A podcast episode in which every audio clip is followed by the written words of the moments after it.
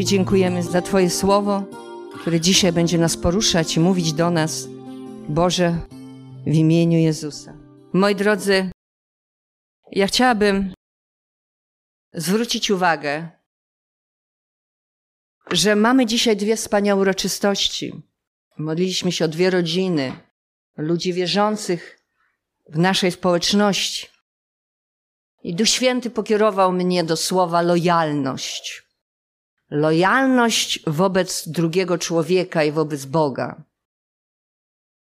Czasami nie zdajemy sobie do końca sprawy, jaką wartością w życiu człowieka jest być lojalnym. Każdy z nas jest zobligowany wobec Słowa Bożego, aby okazać się być lojalnym wobec Boga i wobec drugiego człowieka. W Słowie Bożym w pierwszej królewskiej 15:5 czytamy: Dawid bowiem czynił to, co prawe w oczach Pana. I przez całe swoje życie nie odstąpił od niczego, co on mu nakazał. To znaczy Bóg. Wyjąwszy sprawę z Uriaszem Hetejczykiem. Mówi się o Dawidzie, że był człowiekiem Bożego Serca. I tak rzeczywiście było. Ale człowiek jest tylko człowiekiem. Może czasami mieć trudny czas w życiu. I może czasami poślizgnąć mu się noga. Może stracić duchową orientację. Może ulec złemu wpływowi. Może zgrzeszyć.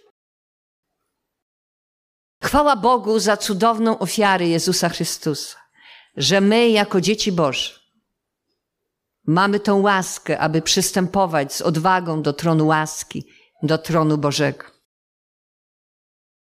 I każdy wyznany grzech Bogu zostaje odpuszczony, bo On jest miłosierny i łaskawy dla nas.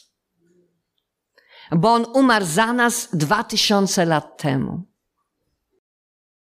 I Duch Boży, który rozlewa Jego miłość w naszym sercu, ciągle przekonuje nas o Jego miłości i miłosierdziu do nas, a jednocześnie przekonuje nas o naszych błędach, słabościach, niemocach i grzechu. Po to, aby nas wyrwać z mocy tych słabości i z mocy grzechu. Ponieważ chce stawić swoją ulubienicę czystą, nieskalaną. Dawid, czytamy, że czynił to, co prawe w oczach Boga. Ale była jedna rzecz w jego życiu, która Bogu się nie podobała i on tego nigdy nie zaakceptował. To była sprawa z Uriaszem Hetejczykiem. Otwórzmy drugą Samuela, jedenasty rozdział.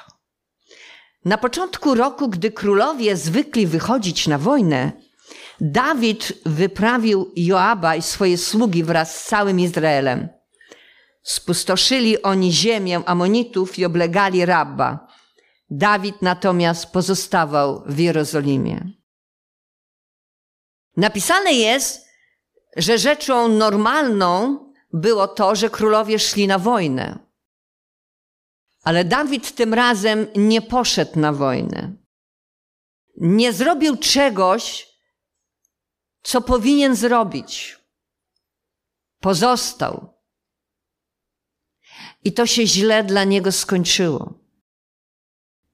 Słowo Boże nas poucza, że kiedy człowiek Boży nie jest posłuszny Bogu i nie wykonuje zakresu swoich obowiązków przed Bogiem i ludźmi, wielokrotnie narażony jest na atak wroga.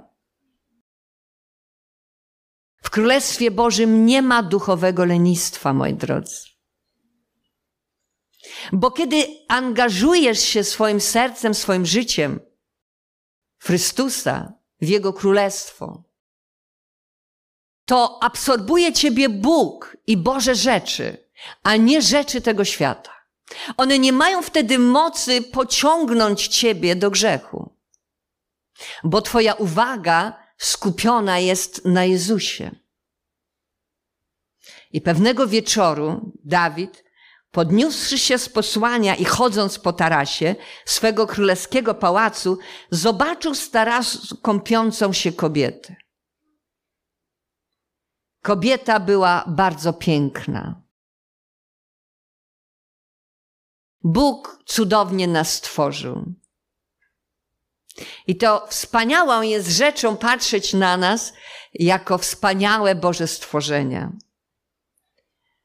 Ale trudną jest rzeczą, kiedy popadamy w grzech porządliwości, bo porządliwość rodzi grzech, a grzech rodzi śmierć.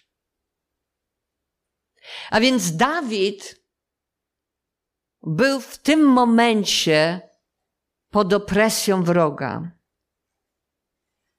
Pożądliwość do kobiety pociągnęła go do grzechu. Co on zrobił? Zasięgnął wiadomości o tej kobiecie. Powiedziano mu, że to jest Batrzeba, żona Uriasza Hetetyty. Czyli Dawid wiedział, że to jest kobieta, która jest mężatką.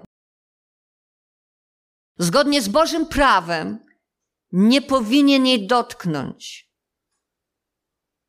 Nie było w tym momencie dla niego żadnego usprawiedliwienia, że on o tym nie wiedział. Ponieważ wedle prawa nie miał prawa sięgnąć po to, co jest cudze. Ona nie była wolną kobietą w tym momencie. Ona nie miała listu rozwodowego. Wysłał więc Dawid posłańców, by ją sprowadzili. Najpierw pojawia się myśl, potem pożądliwość, która rodzi grzech, a grzech rodzi śmierć, oddzielenie od relacji z Bogiem. To jest najgorsze, co nas może w życiu spotkać.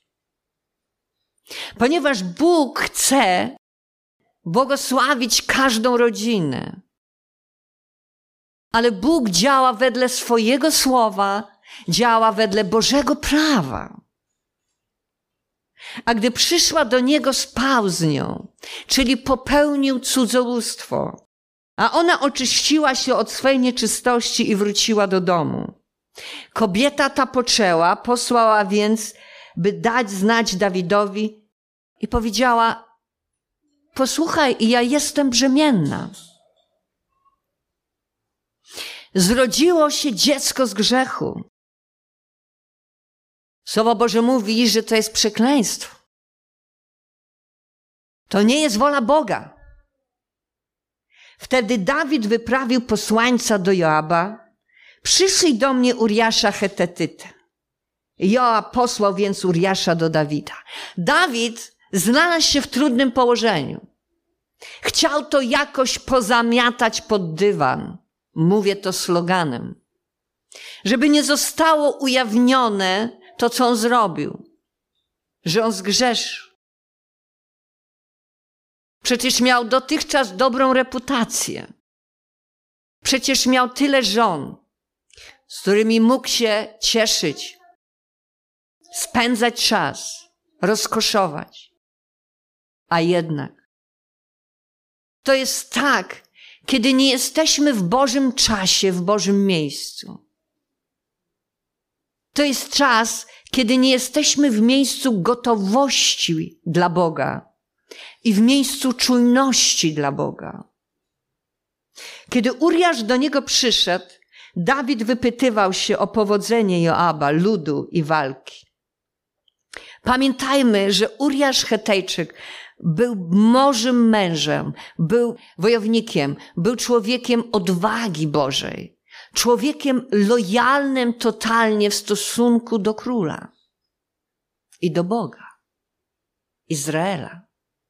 Lojalnym w stosunku do jego żony. Dawid wypytywał się o wszystko, ponieważ chciał rozeznać całość sytuacji. I następnie rzekł Dawid Uriaszowi, wstąp do swojego domu i umyj sobie nogi. Uriasz opuścił pałac królewski, a za nim niesiono dar ze stołu króla. Sumienie już go dręczyło. Wiedział, że był nie w porządku wobec Uriasza, że był nie w porządku wobec Batrzeby, że był nie w porządku przede wszystkim wobec Boga. Uriasz położył się jednak u bramy pałacu królewskiego wraz ze wszystkimi sługami swojego pana i nie poszedł do swojego domu. A przecież to jest wspaniałą rzeczą wrócić do domu i rozkoszować się swoją żoną. Tym bardziej, że przychodzi się taki stres. Przechodzi się takie trudności i ryzykuje własnym życiem na wojnie. Przekazano wtedy wiadomość Dawidowi. Uriasz nie wstąpił do swego domu. Pytał więc Dawid Uriasza, czyż nie wracasz z drogi? Dlaczego nie wstępujesz do własnego domu? Nie potrafił tego zrozumieć. Uriasz wtedy odpowiedział królowi, Dawidowi, Arka, gdzie jest Boża obecność, Izrael, Juda przebywają w namiotach, walczą, ryzykują swoje życie dla ojczyzny. Podobnie też i pan mój Joab, mój dowódca, wraz ze sługami mego Pana obozują w otwartym polu, a ja miałbym pójść do swojego domu, aby jeść i pić i spać ze swoją żoną, używać przyjemności, kiedy moi towarzysze walki giną za ojczyznę? Na życie Pana i na Twoje czegoś podobnego nie uczynię. Widzisz, co to znaczy lojalność? Wobec Bożych autorytetów, wobec Boga, wobec towarzyszy, walki. Słowo Boże mówi, kiedy cierpisz, cierp z cierpiącymi. A kiedy radujesz się, raduj się z radującymi. On cierpiał. On bardzo cierpiał z tego powodu, że on nie jest tam z nimi. Ale był posłuszny królowi. Więc przybył. Dawid więc rzekł do Uriasza, pozostań tu jeszcze dziś, a jutro ciebie odeślę. Uriasz został więc w Jerozolimie w tym dniu. Nazajutrz Dawid zaprosił go, aby jadł i pił w jego obecności, aż go upoił. Dawid nadal Chciał coś zrobić, aby zataić swój grzech. Ale nic nie da się zataić przed Bogiem. Nic nie da się zakryć przed Bogiem. On wszystko wie. Wieczorem poszedł Uriasz, położył się na swym posłaniu między sługami swego pana, a do domu swojego nie wstąpił. Co to znaczy być lojalnym? Co to znaczy wytrwać w postanowieniu wobec Boga, wobec Bożych zasad, wobec Królestwa Bożego? Następnego ranka napisał Dawid list do Joaba i posłał go za pośrednictwem Uriasza. W liście napisał bardzo smutną rzecz. Co ten list tak naprawdę zawierał? Wyrok śmierci dla Uriasza Hetejczyka napisał: Postawcie Uriasza tam, gdzie walka będzie najbardziej zażarta. Potem odstąpcie go, aby został ugodzony i zginął. To jest tragiczne, że Uriasz Hetejczyk niósł list z wyrokiem na swoje życie do swojego powładnego Joaba. Ale co to znaczy lojalność? Zastanawiałam się, że mógł otworzyć ten list. Zachowania króla Dawida nie było takie jak zwykle. Mógł czegoś się domyślać, ale respektował władzę. Był lojalny wobec Dawida. Nie otworzył tego listu. Joab, obejrzawszy miasto, postawił Uriasza w miejscu, o którym wiedział, że walczyli tam najsilniejsi wojownicy. Wykonał rozkaz króla. Ludzie z miasta wypadli i natarli na Joaba. Byli zabici wśród ludu i sług Dawida. Zginął też Uriasz Hetyta.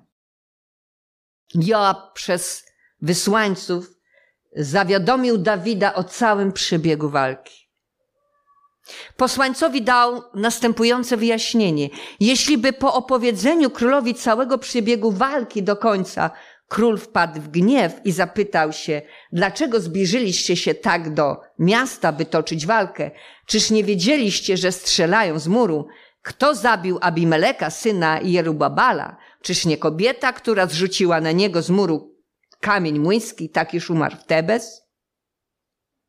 Czemu podchodziliście aż pod mury, powiesz, sługa twój Uriasz Hetyta zginął również.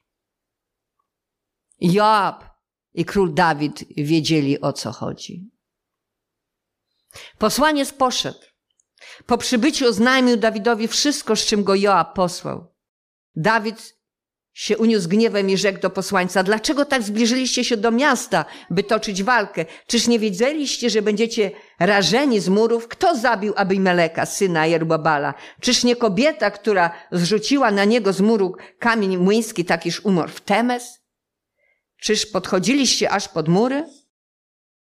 Posłanien odpowiedział Dawidowi. Udało im się przemóc nas i wyjść przeciw nam w pole. Odparliśmy ich aż do bramy. Tymczasem łucznicy zaczęli strzelać z muru do twych sług. Dlatego to zginęło kilku ze sług królewskich. Zginął też sługa twój Uriasz Hetyta. Uriasz Hetyta był posłuszny rozkazom do końca.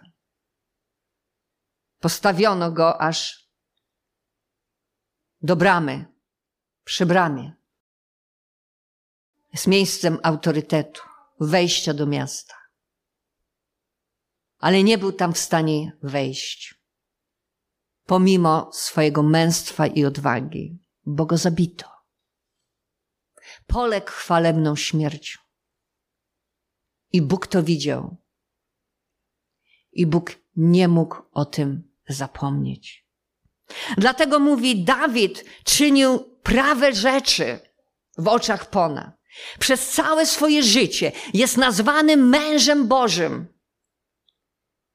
Wyjąwszy tą sprawę z Uriaszem Hetejczykiem, która nie ma uznania w oczach Boga i nigdy nie miała. Bóg nigdy tego nie zaakceptował, my czytamy w Słowie Bożym. Widzisz? Wtedy Dawid oznajmił posłańcom, tak powiesz Joabowi, nie trap się tym, co się stało. Miecz dosięga raz tego, raz innego. Bądź wytrwały w walce przeciwko miastu i zniszcz je. Ty sam dodaj mu odwagi. Różne rzeczy spotykają nas w życiu. Czasami mamy wrażenie, że jesteśmy cały czas pod opresją wroga. Ale czy w tym wszystkim jesteś lojalny Bogu? Jesteś lojalny swojemu mężowi, swojej żonie, jesteś lojalny wobec pastora, starszych, jesteś lojalny wobec Słowa Bożego. Żona Uriasza, dowiedziawszy się, że Uriasz, jej mąż, umarł, zaczęła opłakiwać swego pana. Ona szanowała go. Jest napisane swego pana. Respektowała go. On miał dla niej wielką wartość. Cały czas żałoby, gdy czas żałoby, żałoby przeminął, przepraszam, posłał po nią Dawid i sprowadził do swojego pałacu. I co się wydarzyło? Została jego żoną. Urodziła mu syna. Ale czytamy, postępek jednak, jakiego dopuścił się Dawid, nie podobał się Panu. Bóg nigdy nie pobłaża grzechowi. Ale w swojej miłości on nas ostrzega, On nas przekonuje,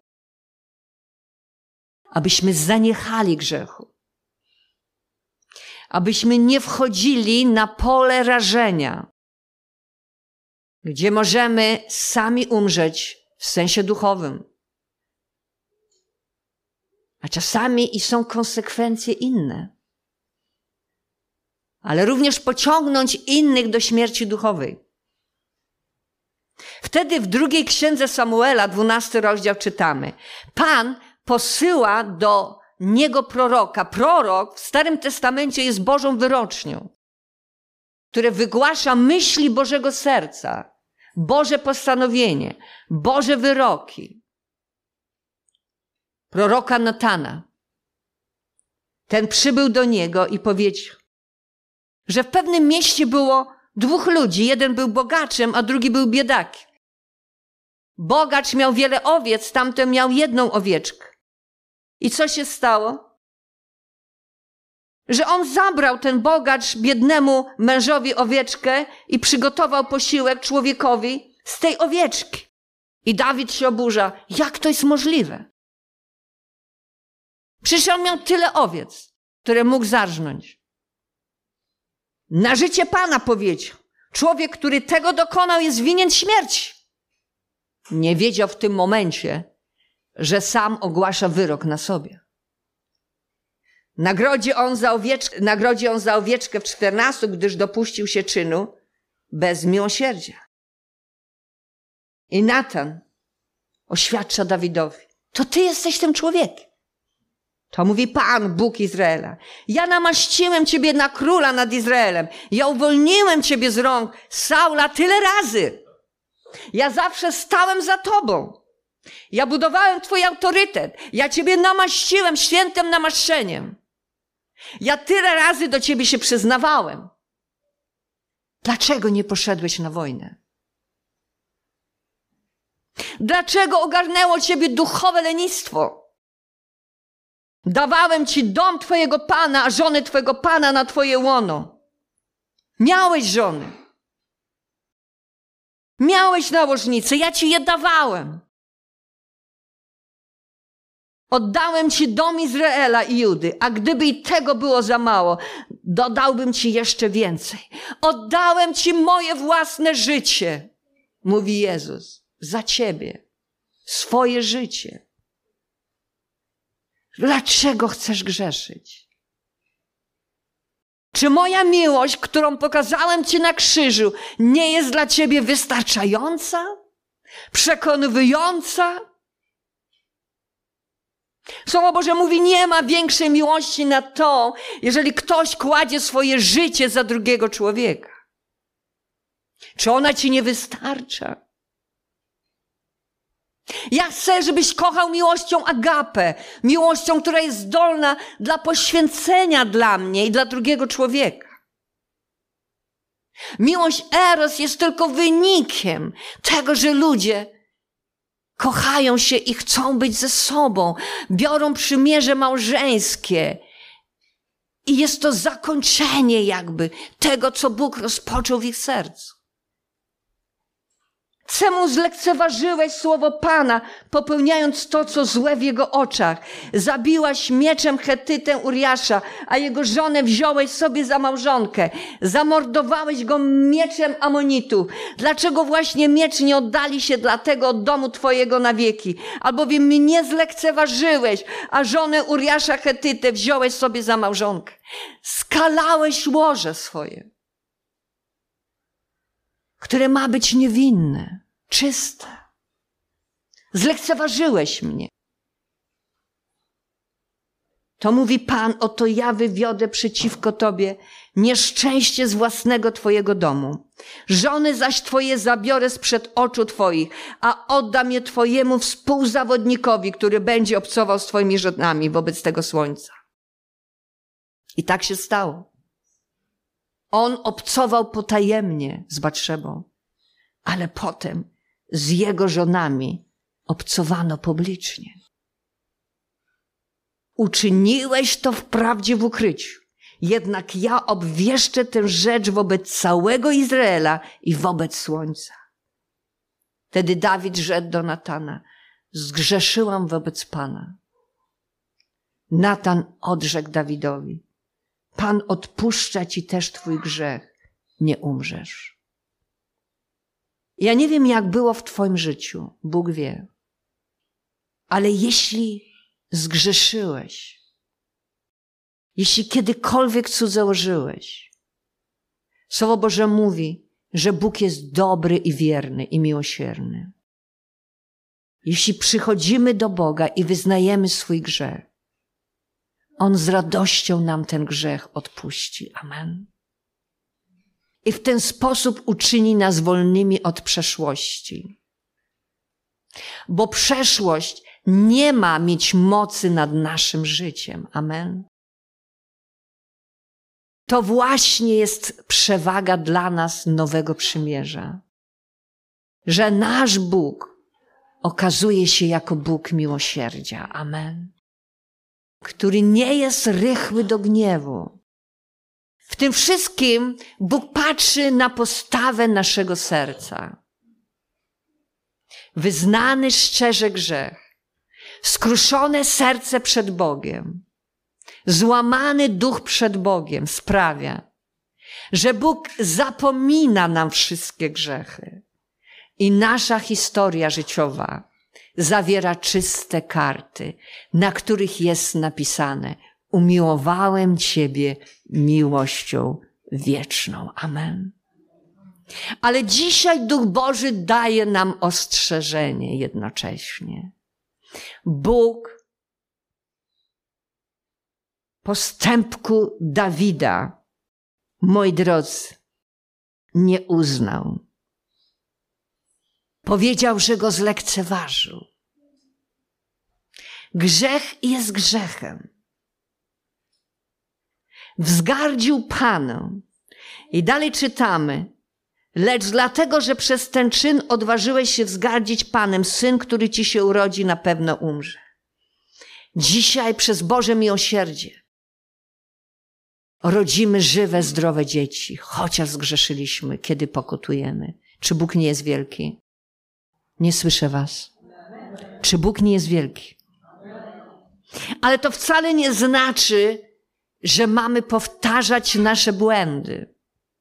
Bo Słowo Boże mówi, że głupcem jest ten, kto powtarza swoje błędy, powtarza swoje upadki, powtarza swoje grzechy.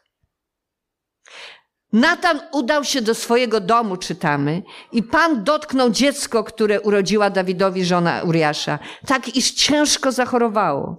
Dawid błagał Boga za chłopcem, zachowywał surowy post. Wróciwszy do siebie całą noc leżał na ziemi. To była szczera, prawdziwa pokuta. Przed Bogiem. Dostojnicy jego domu podeszli do niego, chcieli podźwignąć go ziemi, bronił się jednak. W ogóle z nimi nie jadał. To była prawdziwa pokuta. W siódmym dniu dziecko zmarło. Słudzy Dawida obawiali się powiadomić go, że dziecko zmarło. Twierdzili, jeżeli gdy dziecko jeszcze żyło, przemawialiśmy do niego, a głosu naszego nie słuchał, to jakże my możemy powiedzieć, że chłopiec umarł? Może sobie coś złego uczynić, może tego nie, nie da rady przejść. Gdy jednak Dawid zauważył, że słudzy jego rozmawiają szeptem, zrozumiał, że dziecko zmarło. Pytał więc sługi swoje, czy dziecko umarło? Odpowiedział, umarło. Komu więcej darowano, ten Boga więcej miłuje, jest napisane. Pokaż więc. Masz jeszcze czas. Pokazać, jak bardzo Boga miłujesz, że On uratował ciebie od przepaści od piekła. Pokaż mu to. Dawid podniósł się ziemi, umył się i namaścił, zmienił swe ubranie i wszedłszy do domu pańskiego oddał pokłon. Nie był zły na Boga.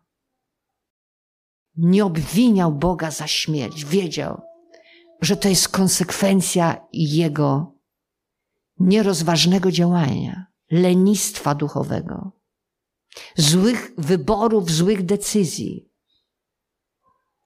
Podniósł się ziemi, namaścił, wziął ubranie, oddał pokłon Bogu, powrócił do domu, zażądał, aby dano mu posiłek, którym się pożywił. I słudzy na to mu powiedzieli, Co to ma znaczyć Twój sposób postępowania? Gdy dziecko żyło, płakałeś, lecz gdy zmarło, powstałeś, posiliłeś się, odrzekł. Dopóki dziecko żyło, pościłem i płakałem, gdyż mówiłem sobie, kto wie, może Pan nade mną się ulituje i dziecko będzie żyło. Tymczasem umarł, po cóż mam pościć? Czy zdołam je wskrzesić? Ja pójdę do niego, ale ono do mnie nie wróci. Dawid okazywał współczucie dla swojej żony Batrzeby. Podszedł do niej, spał z nią, urodził się jej syn, któremu dała mu imię, na imię Salomon. Bóg okazał im łaskę. Amen. Bóg okazał im przychylność, bo Bóg nie gniewa się na wieki. Jak to jest cudownie służyć takiemu Bogu. Oddajmy oklaski dla Boga.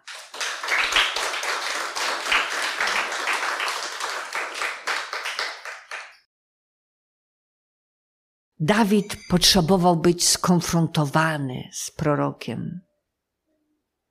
Dawid potrzebował być skonfrontowany ze Słowem Bożym, z Bożym prawem. Bóg chciał mu udzielić lekcji. Dawidzie, na drugi raz uważaj to, co robisz. Aby kolejny raz nie potknęła się Twoja noga. Ale powiedział, wyjąwszy sprawę z Uriaszem Hetejczykiem, nadal pozostawał człowiekiem wedle serca Bożego dla Boga. Tu się nic nie zmieniło. Amen bo Bóg nasz jest wierny. Ale sprawa z Uriaszem Hetejczykiem pozostawała sprawą dla Boga cały czas otwartą. Lojalność. W drugiej Samuela, 23 rozdział, 15 do 17, Dawid miał pragnienie, więc rzekł, kto da mi się napić wody do swoich żołnierzy? ze studni betlejemskiej, która jest przy bramie. Wtedy to ci trzej rycerze przebili się przez obóz filistyjski, naczerpali wody ze studni betlejemskiej, która jest przy bramie i przynieśli ją Dawidowi. I co się wtedy stało? Dawid jest spragniony. Jest bardzo spragniony. Prosi żołnierzy o wodę. Żołnierze z narażeniem życia idą po tę wodę. Lecz Dawid nie chciał jej pić, ale wylał ją jako ofiarę laną dla Pana, mówiąc, niech mnie Pan zachowa, abym to miał czynić. Czyż miałbym pić krew mężów, którzy poszli z narażeniem własnego życia i nie chciał jej pić? Tego dokonali ci trzej rycerze. Co to byli za ludzie? Oni byli lojalni wobec Dawida. Do tego stopnia, że byli gotowi położyć swoje życie za niego.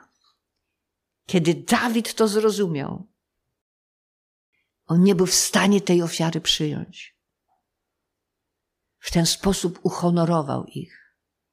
Nie wzgardził tą wodą, ale uhonorował ich, oddając tą wodę samemu Panu.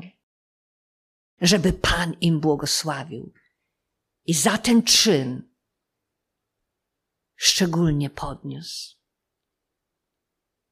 Wiele razy faryzeusze przychodzili do Pana Jezusa i kusili Go, zadawając trudne pytania. Ale przecież Pan Jezus jest Bogiem. On zna odpowiedź na każde pytanie. I zapytali Go kusząc, czy wolno odprawiać żonę swoją dla każdej przyczyny. A on odpowiadając rzekł, czyż nie czytaliście, że Stwórca od początku stworzył mężczyznę i kobietę i rzekł, dlatego opuści człowiek ojca i matkę i połączy się z żoną swoją i będą ci dwoje jednym ciałem. Mąż nie ma prawa odłączać się od żony i przyłączać się do innego ciała, do innej kobiety, bo wtedy cudzołoży. Łamie Boże prawo, łamie prawo przymierza małżeńskiego. Żona nie może się odłączyć od męża i założyć z innym człowiekiem. To jest Boże święte prawo. Kiedy ktoś łamie to święte prawo, on naraża się samemu Bogu. Czy Bóg za tym stoi? On nigdy nie stoi za tym, kto łamie Jego prawo bo oni, zgodnie ze Słowem Bożym, stali się jednym ciałem. To znaczy, że ciało żony należy do męża, a ciało męża należy do żony. Ale jeżeli następuje rozłączenie, to nie są już jednym ciałem, ale są dwoje. Dwoje ich są rozłączeni. Bóg mówi, co wtedy Bóg złączy, człowiek niechaj nie rozłącza. On nie ma prawa do tego Bożego. Mówią mu wtedy, czemuż jednak Mojżesz nakazał dać list rozwodowy i odprawić? Rzeczę im. Mojżesz pozwolił wam odprawiać swoje żony ze względu na zatwardziałość serc waszych, ale od początku tak nie było. To nie jest w zamiarze Bożym. A powiadam wam, ktokolwiek by odprawił żonę swoją, z wyjątkiem przyczyny wszeteczeństwa i poślubił inną, cudzołoży. A gdyby odprawioną poślubił cudzołoży. A więc osoba, która łamie przymierze małżeńskie i wchodzi w związek z inną osobą, cudzołoży. Ona cudzołoży i naraża na cudzołóstwo drugą osobę. To znaczy na grzech. A cudzołożnicy Królestwa Bożego nie odziedziczą. A powiadam wy, ktokolwiek by odprawił żonę swoją, z wyjątkiem przyczyny wszeteczeństwa. Wobec tego, jeżeli mąż cię zdradza i nie chce z tobą współżyć, albo dzieli twoje łoże z inną kobietą, on łamie przymierze. On rozłącza się z twoim ciałem. On zostawia ciebie i naraża ciebie na cudzołóstwo. Osoba niewinna w oczach Boga jest wolna. Jest wolna. Ale trzeba się modlić o osobę, która jest w grzechu, aby miłość Chrystusa doprowadziła ją do upamiętania. Amen. Aby miłość Chrystusa doprowadziła tą osobę do upamiętania. Bo Bóg stworzył mężczyznę i kobietę na swój obraz i podobieństwo, aby byli razem i cieszyli się i rozkoszowali swoją osobą. Amen. W związku z tym, Panie, my modlimy się o te zatwardziałe serca, o te nieposłuszne serca, o te splamione serca, by miłość Boża przyprowadziła te serca do upamiętania. My modlimy się osoby, które w obliczu sytuacji zostały same, które może dzisiaj przeżywają samotność, aby Bóg pocieszył ich serce, podniósł ich ducha. Amen. Że Bóg ma wspaniałą przyszłość dla nich, aby natchnąć ich nadzieją. Amen. W Jezusie Chrystusie jest nadzieja, że Bóg odrestauruje ich życie. Bo Bóg chce, abyśmy mieli rodziny. Amen. Bo Bóg nas powołał do tego, aby być rodziną. Są trzebieńcy, wytrzebieni dla Królestwa Bożego. Ale jeśli nie jesteś, Bóg chce dać ci rodzinę. Niech mąż oddaje żonie to, co się jej należy. Podobnie i żona mężowi. Nie żona rozporządza własnym ciałem, lecz mąż. Podobnie nie mąż rozporządza własnym ciałem, lecz żona. Dlatego nie strącie od współżycia ze sobą, chyba za wspólną zgodą do pewnego czasu, aby oddać się modlitwie, a potem znowu podejmujcie współżycie, aby szatan was nie kusił z powodu niepowściągliwości waszej. Potrzebujesz pamiętać, że twoje ciało jest dla męża. Nie może stronić od współżycia, bo wtedy on będzie szukał innego rozwiązania. Mówię teraz w aspekcie obu stron. Paweł mówi, to jest Boże zalecenie dla Was. Dobrą rzeczą jest, jeżeli w tym momencie jesteś wdową albo panną, że jesteś sam, ponieważ troszczysz się tylko i wyłącznie o sprawy Królestwa Bożego. Ale jeśli masz pragnienie być w małżeństwie, Bóg jest w stanie wypełnić to pragnienie. Amen. Dzisiaj chcę modlić się osoby samotne, które są po rozwodzie albo są panami, aby Bóg w swojej miłości i łaskawości użyczył nam z tego skarbca Jego dobroci i wylał na nas tą łaskę Jego przychylności. Pamiętajmy, a jeśli by opuściła męża, niech pozostanie niezamężna, albo niech się z mężem pojedna. Jeśli to jest inna przyczyna niż wszeteczeństwo, jeśli to jest inna przyczyna niż molestowanie fizyczne psychiczne, które zagraża Twojemu życiu fizycznemu i psychicznemu, że potrzebujesz odseparować się od męża. Pamiętaj,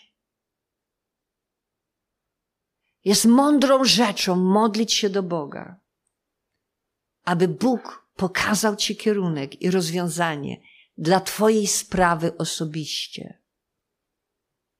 W moim życiu wiele osób przychodziło do mnie, aby modlić się w tych trudnych, czasami bardzo trudnych sprawach. Ja potrzebowałam przyjść do Boga w mojej niemocy i słabości, aby usłyszeć Jego, co On ma na ten temat do powiedzenia. Pamiętam jednego proroka, który opowiadał historię, że przyszła pewna kobieta i mówiła bardzo złe rzeczy na swojego męża, że ją zdradza, że ona chciała się z nim rozwieść. I wtedy prorok powiedział: Ale ty przecież popełniasz cudzołóstwo cały czas z tym mężczyzną. I ona zapłakała. Chciała się rozwieść, bo sama też miała problem. Sama tak naprawdę cudzołożyła. Szukała rozwiązania. To, co jest ukryte, będzie na dachach ogłoszone. Jeśli jakiś brat ma żonę pogankę, a ta zgadza się na współżycie z nim, niech się nie rozwodzi, ponieważ są jednym ciałem. I żona, która ma męża poganina, a ten zgadza się na współżycie z nią, niech się z nią nie rozwodzi. Pamiętaj, ty uświęcasz całą rodzinę, jeśli jesteś osobą wierzącą. Uświęcasz swojego męża niewierzącego, uświęcasz dzieci. Ale jeśli poganin chce się rozwieść, niechże się rozwiedzie. W takim przypadku brat czy siostra nie są niewolniczo związani, gdyż do pokoju powołał was Bóg. Jeśli twój mąż jest poganinem, jeśli nie jest zrodzony z Ducha Bożego, tak jak mówi Słowo Boże, nie przeżył nowego narodzenia, nie jest dzieckiem Bożym, tak jak Słowo Boże mówi. Jeżeli chce się rozwieść, nie jesteś niewolniczo z nim związana, związany. Bo skądże wiesz, żono, że zbawisz męża? Albo skąd wiesz, mężu, że zbawisz żonę? Wypuść go jeśli On chce. Ale wiele razy Duch Boży przestrzegał, kiedy modliłam się o ludzi, nie bądź osobą, która wychodzi w sprawie rozwodu. Bo Bóg ma moc zadziałać.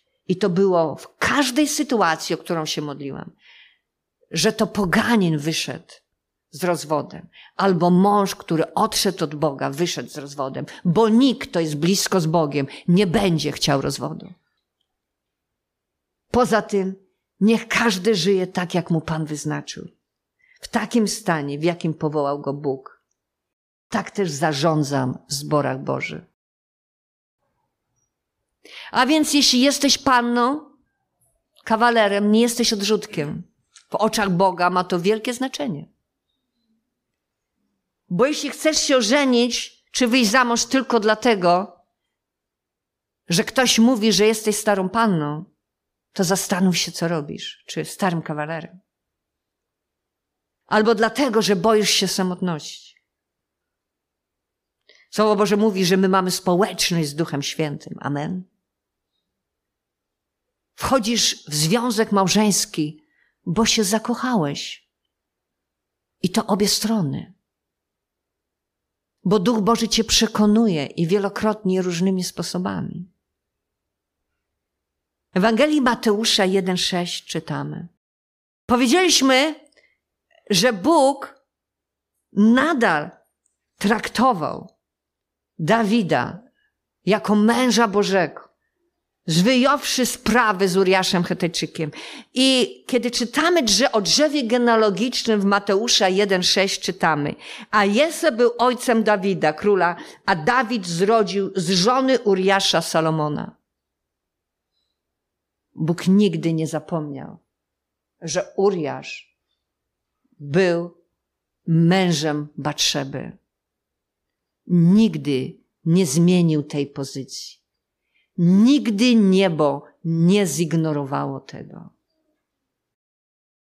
Zignorował to Dawid. A Dawid zrodził z żony Uriasza Salomona. On nadal w oczach Boga pozostawał mężem Batrzeby. A więc lepiej jest dwóm niż jednemu. Lepiej. Dobrze jest wchodzić w związki małżeńskie. Mają bowiem dobrą zapłatę za swój trud. Bo jeżeli upadną, to jeden drugiego podniesie. Ja teraz patrzę na małżeństwo siostry Doroty i, i Beaty, których dzisiaj mamy tutaj u siebie. Jakie to jest wspaniałe małżeństwo. Ile lat przeżyliście? 52 lata.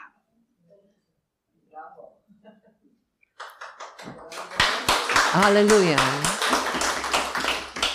Bóg nie jest za rozwodem, moi drodzy. Bóg łączy. Bóg łączy. Amen. Bo jeśli upadną, to jeden drugiego podniesie.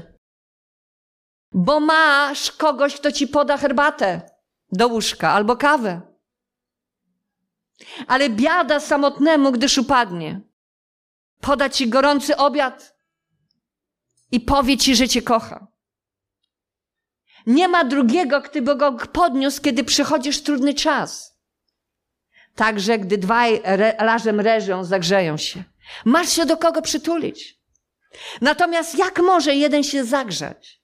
A jeżeli jednego można pokonać, to we dwóch można się ostać, a sznur potrójny nie tak szybko się zerwie. Jeśli Boża miłość was łączy, agapę, my jesteśmy w stanie wszystko przejść. Dlatego używaj życia ze swoją ukochaną żoną. Po wszystkie dni Twojego marnego bytowania, jakie Ci dał pod słońcem, bo to jest Twój udział w życiu i trudzie, jaki znosisz pod słońcem. Używaj, ciesz się. Ciesz się swoją żoną. Ciesz się swoim mężem. Amen. Ciesz się swoim Bogiem. Amen. On jest ten, który chce Ciebie błogosławić.